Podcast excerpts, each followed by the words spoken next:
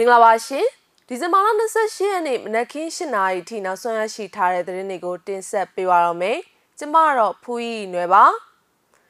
AR တိုင်းမှာစစ်မှုရဟောင်းတွေကိုပြန်လည်ခေါ်ယူပြီးလက်နက်တွေတက်ဆင်ပေးထားတယ်လို့အမိမဖော်လို့သူစစ်မှုရဟောင်းတဦးကပြောပါတယ်ရေဦးမြို့နယ်ရှိရွာတွေကိုစစ်ကောင်စီတပ်ဝင်ရောက်ဖျက်ဆီးနေပါတယ်မန္တလေးခရိုင်တရားရုံးပောက်ကွဲမှုဖြစ်ပွားပြီးတဲ့နောက်လူဦးရေ300ကျော်ရဲ့ကိုရေးအချက်လက်တွေကိုရဲတပ်ဖွဲ့ကယူသွားတဲ့သတင်းတွေအပါအဝင် ခရစ်စမတ်နေ့မှာလေးကိကောဒေသကိုအင်အားအလုံးအင်းနဲ့တိုက်ခိုက်ခဲ့တဲ့အပေါ်စစ်ပေးရှောင်စခန်းအတွင်းရှိခရစ်ယာန်ဘာသာဝင်တွေရဲ့ရင်ဖွင့်သံတွေကိုလည်းတင်ဆက်ပေးဖို့ရှိပါတယ်။ AR တိုင်းအတွင်းမြို့နယ်တွေရှိစစ်မှုရန်ဟောင်းတွေကိုစစ်ကောင်စီကပြန်လည်ခေါ်ယူပြီးလက်နက်တွေတပ်ဆင်ပေးထားတယ်လို့အမိမဖော်လို့သူစစ်မှုရန်ဟောင်းတဦးထံကနေသိရပါတယ်။မြို့နယ်လိုက်ဖွင့်လှစ်ထားတဲ့စစ်မှုရဟောင်းရုံးတွေကနေတဆင့်ပြန်လည်ဆက်သွယ်ခေါ်ယူခဲ့တာဖြစ်ပြီး အချို့ကိုတိုက်ခန်းပေးမယ်မြေကွက်ပေးမယ်လို့ဆွဲဆောင်ခေါ်ယူခဲ့တာဖြစ်တယ်လို့သူထံကနေသိရပါတယ်။စိုက်ကားနေရင်ရေထမ်းစားနေတဲ့ကောင်ကိုတော့ရိတ်ခါပေးမယ်။တလောက်ကို3သိန်းခွဲပေးမယ်ဆိုပြီးတော့ခေါ်ပါတယ်။လေ့ကျင့်ရင်တပတ်ပြန်လုပ်ခိုင်းပြီးတက်လုံကြုံရင်းနဲ့မြို့ရင်းလုံကြုံရင်းတွေမှာချထားတယ်။အခုထိတော့ကျွန်တော်တို့စီကနေရှေ့တန်းပို့လိုက်တဲ့သူမရှိသေးပါဘူး။တနက်တွေတော့ပြန်ထုတ်ပေးထားပါတယ်။သူတို့ပြောသလိုတကယ်ပေးမပေးကတော့လက်ကုံမှသိရမယ် ရှေ့မှာကရိတ်ခါနဲ့ဈေးပဲပေးထားသေးတာလို့အမိမဖော်လို့သူစစ်မှုရန်ဟောင်းကပြောပါတယ်တက်ကြက်ကြီးအစ်စ်နဲ့ပင်စင်ရယူခဲ့သူတွေကိုတော့တိုက်ခန်းနဲ့မြေကွက်ပေးမယ်လို့ပြောဆိုပြီးပြန်လည်ခေါ်ယူထားတာဖြစ်တယ်လို့သူထံကနေသိရပါတယ်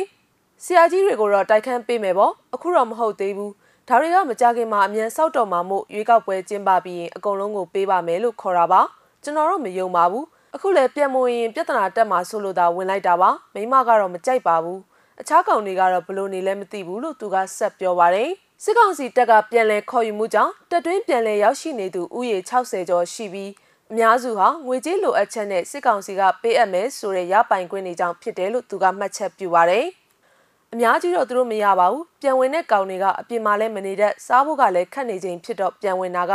ကျွန်တော်တို့သိတာ60လောက်ရှိမယ်အဖိုးကြီးတွေရောအရက်သမားတွေရောလက်ချောင်းမရှိတဲ့ကောင်တွေရောစုံနေတာပါပဲ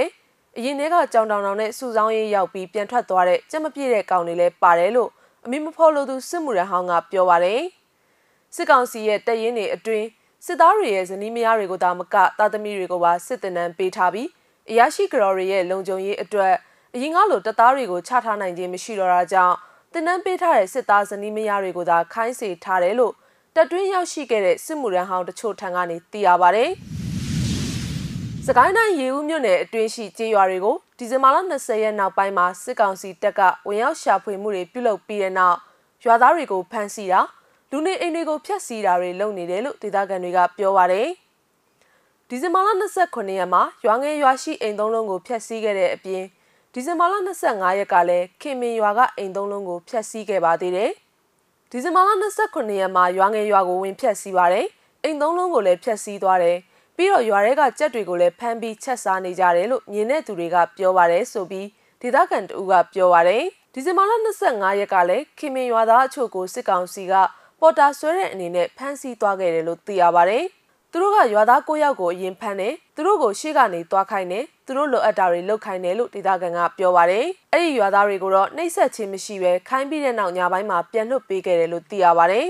သုံးအိမ်ကတော့လုံးဝနေလို့မရအောင်ဖျက်ဆီးသွားတာ တအိမ်ကိုတော့မီးတင်ရှို့သွားတယ်ကျန်တဲ့အိမ်တွေကိုလည်းအကုန်ဝင်မွေတယ်မှန်တွေကိုလည်းရိုက်ခွဲသွားတယ်ပစ္စည်းတွေတော့ယူမသွားပါဘူးအကုန်ဖျက်ဆီးသွားတာတော်တော်ကိုရုံမာတာပါလို့ဒေသခံတူကပြောပါတယ်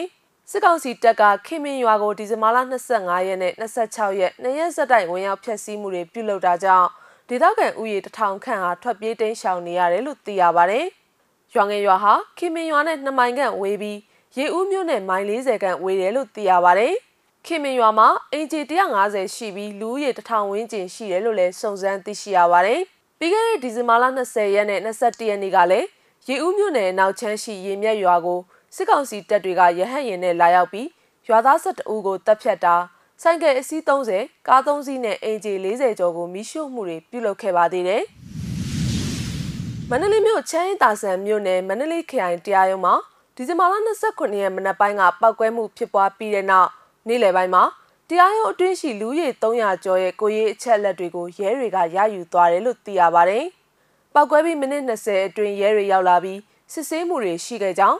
ရုံးထဲရောက်နေသူတွေအချိန်တော်ကြာပိတ်မိနေခဲ့ပြီးနေ့လယ်တနာရီမှအပြင်ထွက်နိုင်ခဲ့ကြောင်းကိုရိုင်းကြုံတွေ့ခဲ့ရသူတူကပြောပါတယ်။တရားရုံးအတွင်းရှိတာဝန်ရှိသူတွေနဲ့ပြည်သူတွေစုစုပေါင်းဥယေ300ကျော်ကိုတရားရုံးထဲကမထွက်ခင်နေ့လယ်တနာရီဝန်းကျင်မှာတန်းစီခိုင်းပြီးကိုရေးချက်လက်တွေနဲ့ဓာတ်ပုံတွေရိုက်ယူသွားကြတာပါ။ ကျွန်တော်တို့မထွက်ခင်တိုင်လုံးကြီးတွေရှိတဲ့နေရာမှာတန်းစီခိုင်းပြီးကိုရေးချက်လက်တွေတရားရုံးကိုလာရတဲ့အကြောင်းအရင်းတွေမေးပြီးဓာတ်ပုံတွေရိုက်ယူပါတယ်။လူတွေကများတော့အကြာကြီးစောင့်လိုက်ရတယ်။ပြန်တော့လေဂိတ်ဝါထိ10ရောက်တတွဲလုံခြုံရေးအပြည့်နဲ့လိုက်ပို့တယ်လို့ကိုရိုင်းကြုံတွေ့ခဲ့ရသူကပြောပါတယ်။တရားရုံးဒုတိယထက်ဈဉ္ဉံလမ်းမှာပောက်ကွဲခဲ့တာဟာမိုင်းဒါမှမဟုတ်ချိန်ကိုက်ပုံလို့ပြောဆိုနေကြပါတယ်။ကျန်တဲ့အထက်တွေထိပါရန်ငွေတွေရတယ်။အတန်ကျဲချက်ကကိုဘေနာပေါက်တလားပါပဲ။ဈဉ္ဉံလမ်းတက်ထားတဲ့ကင်မရာ CCTV ရှေ့တက်တဲ့ပေါက်တာ မှန်နေကွဲထွက်တယ်လူတွေအထိခိုက်တော့မရှိဘူးလို့ပြည်သူတအုပ်ကပြောပါတယ်။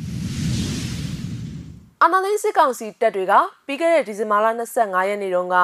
ထီးမယ်ဝါခီကျေးရွာနဲ့လေးကိတ်ကော်ဒေသကိုလေကြောင်းကနေတိုက်ခိုက်ခဲ့ပါတယ်။အဲ့ဒီလေကြောင်းတိုက်ခိုက်မှုဟာ၃ကြိမ်မြောက်တိုက်ခိုက်မှုဖြစ်ပြီးတိုက်ပွဲအတွင်း PDF ရဲဘော်3ဦးသတင်းတောက်2ဦးနဲ့ဒေသခံအချို့သေဆုံးပြီးဒဏ်ရာအများအပြားရရှိခဲ့ကြပါတယ်။ခရစ်ယာန်ဘာသာဝင်တွေအလေးထားရတဲ့ခရစ်စမတ်နေ့မှာ အခုလိုလေးကိတ်ကော်ဒေသကိုအင်အားအလုံးအရင်နဲ့တိုက်ခိုက်တဲ့အပေါ်စစ်ပေးရှောင်စခန်းအတွင်းရှိခရစ်ယာန်ဘာသာဝင်တွေရဲ့ရင်ဖွင့်တန်ကိုမြင်မြန်ထားပါတယ်။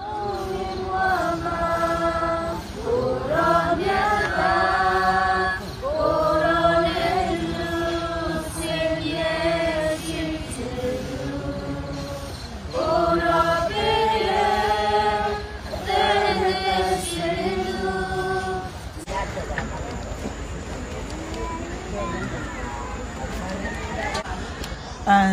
ကျမတို့ကတော့ပေါ့နော်ဒီမှာအမှန်တကယ်ဆိုရင်တော့ဒီလကျမတို့ခရိယန်နေအတွက်ကတော့အထူးမြတ်ထားတဲ့နေ့တစ်နေ့ပေါ့နော်အာအထူးမြတ်ထားတဲ့ဒီနေ့ရက်မှာကဘာမှာရှိတဲ့တိုက်ပွဲကြီးတွေဖြစ်ခဲ့တဲ့နေရာတွေတောင်မှဒီလိုခရစ်စမတ်နေ့ဆိုလို့ရှိရင်တိုက်ပွဲတွေရက်တယ်နော်အဲ့တော့ဒီလိုတိုက်ပွဲတွေရက်ပြီးမှပေါ့နော်လူသားချင်းစာနာစွာနဲ့ဒီခရစ်စမတ်နော်အဲသခင်ယေရှုရဲ့နော်မွေးဖွားတဲ့ကာလမှာနော်အေးချမ်းစွာနဲ့ဒီကာလလေးကိုဖြတ်ပေးတယ်ပေါ့နော် ဒါပေမဲ့ကျမတို့နိုင်ငံမှာပေါ့နော်အခုခုရပါရ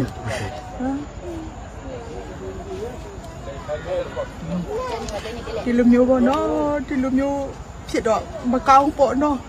တကယ်ပဲအခုအခုဆိုရင်ကလုံးပြေးရတာနော်ကျမတို့ကခရစ်စမတ်ကာလမှာဟိုပြမယ်ဝမ်းမြောက်နေရမယ်စာကြည်မိုးတွေရွာနေ နော်ပုံမိုးတွေရွာနေတော့ဒါပြည်သူတယောက်နေလည်းမဖြစ်သေးဘူးပေါ့နော်အဲ့တိုင်းငယ်ငယ်ကိုအုပ်ချုပ်တယ်ဆိုလို့ရှိရင်တရားရှိတဲ့မင်းတယောက်ဆိုလို့ရှိရင်ဒါမျိုးတွေမလုပ်သင့်ဘူးပေါ့နော်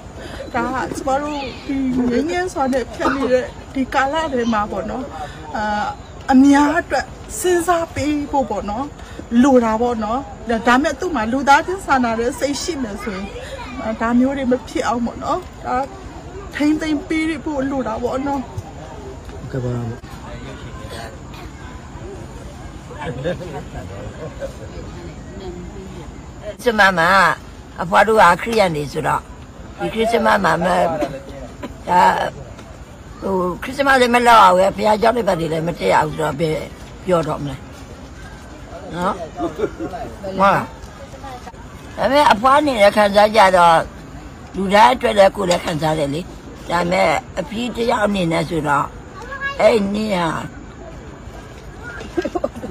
စိတ်မကောင်းတဲ့နေ့ပေါ့နော်တဲ့တဲ့ကိုကမွန်တိတ်မှတ်တယ်ခါတိုင်းလိုမှတမဒီနေ့မှတစ်ခါပဲမမပြောအောင်ဆိုတော့တရားပဲကောင်းတယ်။ဘာသာရေးမှာတော့အခုခရစ်မတ်ပြီးသွားပြီနော်။ဘုရားလာပြီပဲ။ဟာမဖြစ်တော့ဒါသူများသွားခိုင်းတဲ့နေရာဆက်သွားမှာပဲ။ နောက်တော့ပဲပြရဲတော့မလဲ။မအဲ့ဒီပါလီလည်းမရှိတော့ဘူး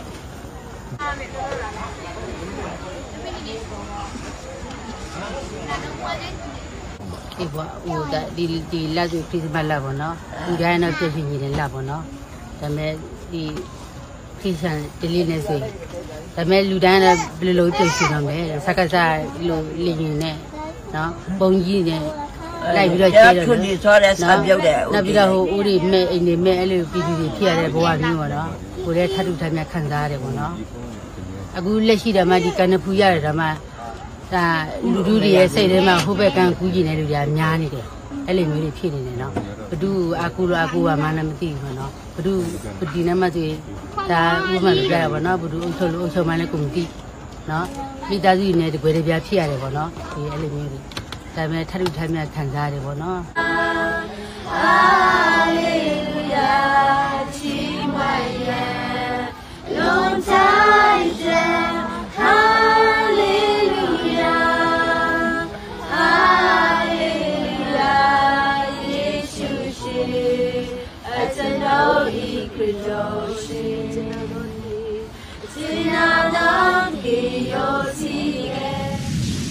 မဇ္ဈိမ TV ရဲ့နောက်ဆုံးရသတင်းတွေကိုတင်ဆက်ပေးကြတာပါ။စောင့်မျှော်ကြည့်ရှုခဲ့ကြတဲ့ပရိသတ်တွေအားလုံးကိုကျေးဇူးအထူးပဲတင်ရှိပါတယ်ရှင်။